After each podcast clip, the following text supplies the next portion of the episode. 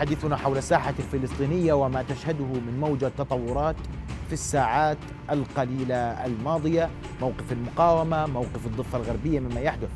قبل البدء في حوارنا نتابع وياكم هذا التقرير. رؤيا بودكاست. توتر الأحداث في فلسطين لا يهدأ. بعد جنين غزة. حيث شنت طائرات الاحتلال الإسرائيلي صباح اليوم سلسلة غارات على مواقع لفصائل المقاومة الفلسطينية في القطاع. بالمقابل أطلقت المقاومة الفلسطينية نيران رشاشاتها الثقيلة باتجاه مستوطنة نتيفيه عهسرة جيش الاحتلال قال في بيان له إن طائراته المقاتلة قصفت عددا من الأهداف التابعة لحركة المقاومة الإسلامية حماس في قطاع غزة. تستخدم كورش إنتاج أسلحة في موقع عسكري تابع للحركة كما تم استهداف ثلاث مواقع عسكرية أخرى. في المقابل أكد الناطق باسم حركة حماس حازم قاسم أن القصف على غزة امتداد للعدوان الذي يستهدف كل الأراضي الفلسطينية بالقدس والداخل المحتل والضفة الغربية. هذه الأحداث سبقها إعلان المتحدث باسم جيش الاحتلال الإسرائيلي أفخاي أدرعي في وقت سابق تفعيل صفارات الإنذار بالقرب من معبر بيت حانون إيريز في غزة في أعقاب إسقاط المقاومة الفلسطينية منطادا تجسسيا تابعا للاحتلال شمال قطاع غزة. في فلسطين المحتلة أيضا زفت جنين ثلاثة من شهدائها الذين سقطوا على يد قوة عسكرية تسللت فجر الجمعة إلى الحي الشرقي في مدينة جنين. وأطلقت الرصاص باتجاه مركبتهم مما أدى إلى استشهادهم على الفور. الحديث أكثر أرحب بضيوف الكرام مدير مركز القدس لشؤون الاحتلال مباشرة من رام الله الأستاذ عماد أبو عواد. أستاذ عماد مساء الخير. مساء الخير لك أستاذ محمد. وأيضا نرحب بالكاتب والمحلل السياسي من غزة الأستاذ أحمد الكومي. أستاذ أحمد مساء الخير. مساء النور. أبدأ منك أستاذ عماد وما حدث في جيلين وهل نتوقع من رد؟ لأنه كان هناك عملية تصفية واغتيال واضح لثلاثة من شبان جنين يعني بالتأكيد نحن أمام سلسلة متواصلة من انتهاكات الاحتلال التي دائما ما يكون عليها رد فعل فلسطيني قوي في الزمان والمكان المتقارب بالمناسبة وليس البعيد. بالتالي نتحدث عن سلسلة من العمليات متواصلة. نتحدث عن سلسلة إطلاق نار على حواجز الجيش في الضفة الغربية وفي مناطق مختلفة. نتحدث عن حالة اشتباك جماهيري على عدة نقاط في الضفة الغربية. ونتحدث كذلك عن تصدي شبه يومي ليليا لقوات الاحتلال التي تقتحم المناطق الفلسطينية المختلفة من شمال الضفة إلى جنوبها. فبالتالي نحن نتحدث نعم عن احتمالية أن يكون هناك رد قريب من قبل المقاومة الفلسطينية في الضفة الغربية عن طريق وجود عمليات في الداخل المحتل. وهذا ما يشير إليه بالمناسبة الشباك الإسرائيلي عندما يتحدث بأنه ردود الفعل الفلسطينية على انتهاكات الاحتلال وما يقوم به الجيش على الأرض هو بات سمة يعني بشكل أو بآخر تؤكد طموح الفلسطيني الجديد نحو التحرر والتمسك بحقوقه كاملة غير منقوصة. نعم. أستاذ أحمد من غزة والسؤال تطور أيضا قد يكون يعني مستغرب في هذا التوقيت بالذات ضرب مواقع في غزة رد للمقاومة والجميع يسأل هل من مزيد؟ يعني بتقديري يعني الساعات ال 24 ساعة الأخيرة شهدت يعني موجة تصعيد بين المقاومة الفلسطينية وجيش الاحتلال الإسرائيلي والمتابع العربي بشكل عام تابع حالة الاشتباك القائمة وأنا بتقديري يعني المقاومة الفلسطينية أرادت أن تثبت ثلاث رسائل أساسية من الأحداث التي شهدناها على الحدود الشمالية لقطاع غزة. الرسالة الأولى أن المقاومة هي استولت وسيطرت على منطاد عسكري إسرائيلي كان يحلق على الحدود الشمالية لقطاع غزة. وهذا المنطاد العسكري هو يعني أداة تجسس يحلق بشكل دائم في الأجواء الشمالية على الحدود الشمالية لقطاع غزة. وبالتالي هو منطاد تجسس يقوم بأعمال عدائية ضد المقاومة الفلسطينية في قطاع غزة. وبالتالي أصبح هدفا مشروعا للمقاومة وهذا ما جعلها تستهدف هذا المنطاد وتستولي عليه. الرسالة الثانية يعني هذه رسالة للاحتلال الإسرائيلي وللمؤسسة العسكرية وحتى للوسطاء الدوليين الذين يحاولون الحفاظ على تفاهمات تفاهمات وقف إطلاق النار بين المقاومة والإحتلال بأن هذه التفاهمات هي لن تكبل يد المقاومة الفلسطينية عن آه، صد أي إجراءات عدوانية أو اعتداءات آه، من جيش الاحتلال ضد المقاومة الفلسطينية. وبالتأكيد آه، يعني الرسالة الثالثة هي محاولة من المقاومة الفلسطينية أو في إطار محاولات مستمرة من المقاومة لتثبيت معادلات الاشتباك مع الاحتلال الإسرائيلي، لكن في كلا الأحوال هذا لا يعني أن المقاومة تريد أن تذهب إلى حرب أو مواجهة عسكرية مع الاحتلال، هي بالتأكيد آه، آه، تحاول آه، تفادي هذه الحرب ومحاولة هو تحسين الواقع المعيشي في قطاع غزة لكنها بالتأكيد إذا شعرت أن هذا سيكون على حساب أمن واستقرار قطاع غزة فلن تتوانى عن خوض مواجهة عسكرية في حال كسر الاحتلال ومؤسسة الجيش الإسرائيلي كسر قواعد الاشتباك القائمة مع قطاع غزة. المسألة الأخرى أستاذ أحمد أستاذ اسمح لي أقاطعك لكن ألم يكسر الاحتلال شروط ال الهدنة مع قطاع غزة بقصف مواقع تابعة لحركة المقاومة حماس؟ يعني بالتأكيد هو العدوان الإسرائيلي لم يتوقف على شعبنا في قطاع غزة، الاحتلال الإسرائيلي يحاول في كل مرة أن يكسر هذه القواعد لكن المقاومة تكون له بالمرصاد، هو يشعر الاحتلال أنه تعرض لاستهداف خطير من خلال إسقاط المنطاد العسكري شمال قطاع غزة. وكان هناك حالة غضب في الجبهة الداخلية للاحتلال من المستوى المتدني للجيش في مواجهة المقاومة الفلسطينية. حتى شعرنا العديد من المستوطنين الإسرائيليين على على غلاف قطاع غزة وجهوا العديد من الادانات ضد الجيش الإسرائيلي في تعامل جيش الاحتلال في تعامل في تعامل مع المقاومة. بالتالي هو يحاول أن يكسر قواعد الاشتباك لكن المقاومة تقف له بالمرصاد. النقطة التي كنت أود أن أشير إليها إلى أن الاحتلال جيش الاحتلال في إطار سعيه لترميم صورته استهدف مرصدا للمقاومة على الحدود الشمالية لقطاع غزة لكن آه، المقاومة هي آه، سجلت آه، نقطة إضافية في رصيد معركة الوعي مع الاحتلال عندما أعادت ترميم هذا المرصد بعد نحو أو أقل من خمس ساعات من استهدافه وهي رسالة تحدي وإصرار متقدمة جدا بأن الاحتلال لن يكسب في معركة الوعي وأن الاحتلال في حاله تراجع وحاله تقهقر وأن الاحتلال لن ينجح بأي حال من الأحوال أن يكسر قواعد الاشتباك وإلا هو انه سيكون عرضة لاحتمالات أو سيناريوهات مفتوحة على جميع الاحتمالات نعم. وبالتأكيد من بينها قد تكون مواجهة عسكرية اختار الاحتلال بيده أن يجر الكيان إلى هذه المواجهة في في إطار محاولاته لكسر قواعد الاشتباك مع المقاومة وهو بذلك بالتأكيد يضع إسرائيل والكيان الإسرائيلي تحت نار المقاومة.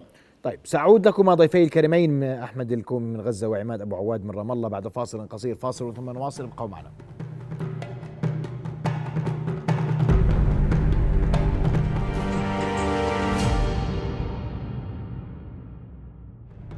نواصل محورنا الثاني وحلقة الليلة وأعود ضيوف الكرام وأعود ضيفي من رام الله عماد أبو عواد. أستاذ عماد سؤال مهم اليوم. جنين تستهدف في الآونة الأخيرة بشكل أكبر من المعتاد والسؤال إلى متى تصمد جنين وهل سترد جنين؟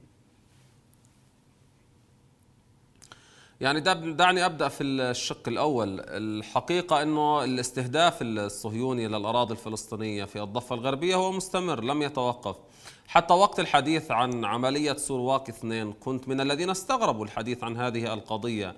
سورواك اثنين يعني اجتياح إسرائيلي للمناطق المجتاحة أصلا. الوجود الإسرائيلي على الأرض هو مستمر بشكل دائم منذ العام 2002 حتى يومنا هذا لكن يبدو استخدام المصطلحات كان في إطار محاولة إسرائيل إشباع رغبات اليمين الإسرائيلي المتطرف في الداخل. استمرار إسرائيل بهذا النهج هو باب ضرورة آه، قصوى لها من الناحية الأمنية. لكن السؤال المركزي الآن وكما قال إيهود أولمرت قبل نحو شهرين من الآن في إشارة للسياسة الإسرائيلية واصفا إياها بالهستيرية وبأنها لم تأتي بالأمن للإسرائيليين. هل إسرائيل حققت الأمن جراء هذه السياسة؟ الجواب لا. بعد عشرين عام على عملية السور الواقي خرج مخيم جنين ليكون أكثر قوة. وخرج الجيل الشاب الذي ولد ربما بعد ذلك التاريخ ليقاوم بشكل آه، ربما فاجأ القريب قبل البعيد. بالتالي نحن نتحدث عن أزمة إسرائيلية تكمل في اتجاهين. الاتجاه الأول عدم قدرة إسرائيل على تحديد نقاط الضعف التي تعاني منها كدولة ونقاط القوة التي بات يعاني منها أو التي بات يمتلكها الفلسطينيين تحديدا في إطار تملكه لفكرة المقاومة واستمراره على ضرورة أن يكون هناك مقاومة مستمرة ضد الاحتلال. من الناحية الثانية فقدان إسرائيل لقيادة سياسية تستطيع أن تضع يدها على الجرح وتستطيع أن تقول وتصارح المجتمع الصهيوني بأنه من أجل إيقاف المقاومة الفلسطينية لابد من إعطاء الفلسطينيين جزء من حقوقهم. حتى الآن هذا القائد مفقود. لذلك بتنا نرى بأن إسرائيل تتعامل بردات فعل. ردات الفعل هذه قادت إلى المزيد من المقاومة ووسعت مساحة المقاومة لتشمل شرائح أوسع من الفلسطينيين. الأمر الذي قاد يدعوت أحرنوت للقول بأنه أكثر من 80% من الفلسطينيين في الضفة الغربية بتبنوا المقاومة كخيار لمواجهة الاحتلال. والأهم من ذلك أن إسرائيل أغلقت كل الأفق السياسية والاقتصادية والاجتماعية. الأمر الذي بات يقود إلى عمليات نوعية فلسطينية بشكل أكبر وقدرة للفلسطيني للتغلب على كل المعيقات التي يضعها الاحتلال.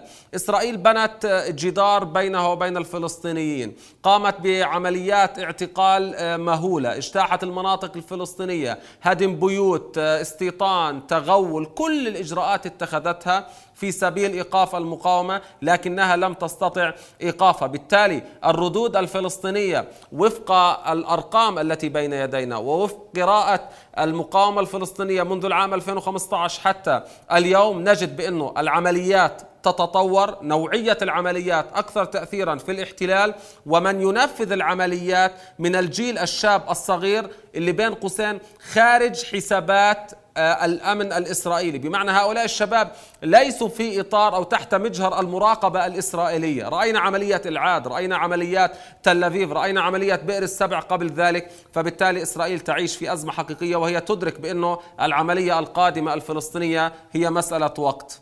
نعم. آه، أستاذ أحمد آه، من غزة والسؤال هل نتوقع استمرار لأي تصعيد على في الجانب الجنوبي أو في الجبهة الجنوبية؟ أم أن آه، حالة الهدوء ستخيم على قطاع غزة؟ أستاذ أحمد؟ سمعت سؤالي أستاذ أحمد؟ نعم نعم سمعت تفضل.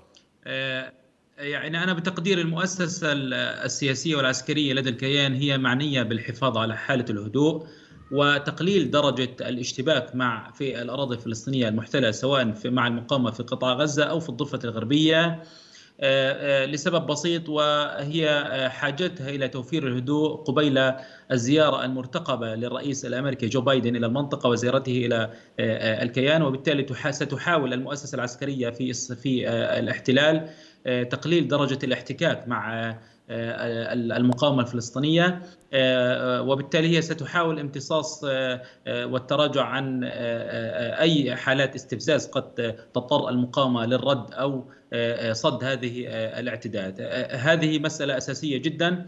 اليوم الجيش الاحتلال يحاول أن يحافظ على الهدوء لكن بالتأكيد كما تفضل زميلي عماد آه، الانتهاكات الإسرائيلية هي لا تتوقف في الضفة الغربية وكما شاهدنا بالأمس كان آه، آه، اغتيال لثلاث شبان فلسطينيين في مخيم جنين وأيضا القيام بأعمال تجسسية وعدائية ضد المقاومة في شمال قطاع غزة. وبالتأكيد هذا هو سلوك الاحتلال الإسرائيلي. لكن الشيء الثابت أن المقاومة تقف له بالمرصاد وأن استمرار الهدوء في المنطقة هو مرتبط بالسلوك الإسرائيلي وقدرة الحكومة الحالية على كبح جماح المستوطنين وتحديدا في مدينة القدس والضفة الغربية.